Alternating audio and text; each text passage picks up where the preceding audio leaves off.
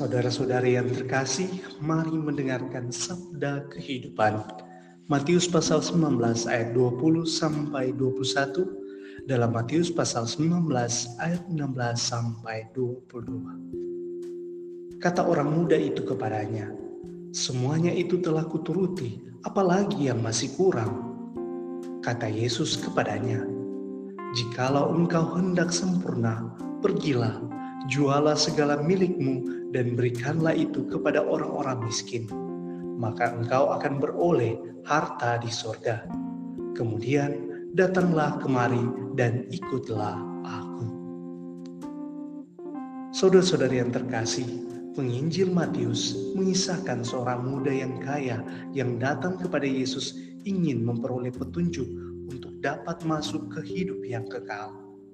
Yesus lalu memintanya melakukan sepuluh perintah Allah sebagaimana diajarkan Musa. Ternyata ia memperoleh angka sepuluh untuk itu karena semuanya telah ia lakukan. Lalu Yesus menantang dia, maukah ia memberi diri seutuhnya dan mengikuti Yesus? Orang bisa saja berhasil dalam segala hal, termasuk dalam melakukan perintah-perintah Allah tapi bila itu semua ia peroleh hanya untuk kepentingan diri sendiri atau untuk mencari selamat sendiri, maka ia masih jauh dari sempurna. Yesus menantang anak muda yang kaya ini untuk berjalan bersama Yesus, menjadikan segala sesuatu yang ia lakukan semata untuk maksud kerajaan Allah, bukan hanya untuk diri sendiri. Tantangan Yesus ini juga ditujukan bagi kita kalau hanya bergiat untuk diri sendiri, semua orang telah melakukannya.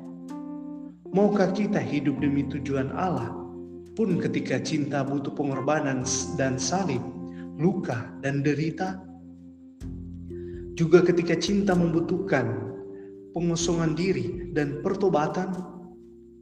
Saat kita menyadari bahwa harta kita yang sesungguhnya adalah Yesus sendiri, dan semua yang ada pada kita adalah demi tujuan kerajaan Allah. Bahagianya kita yang percaya dan mencintai serta melayani Tuhan sepenuh diri. Semangat Senin, mari persembahkan karya kita untuk kemuliaan Tuhan. Pastor Revitanor PR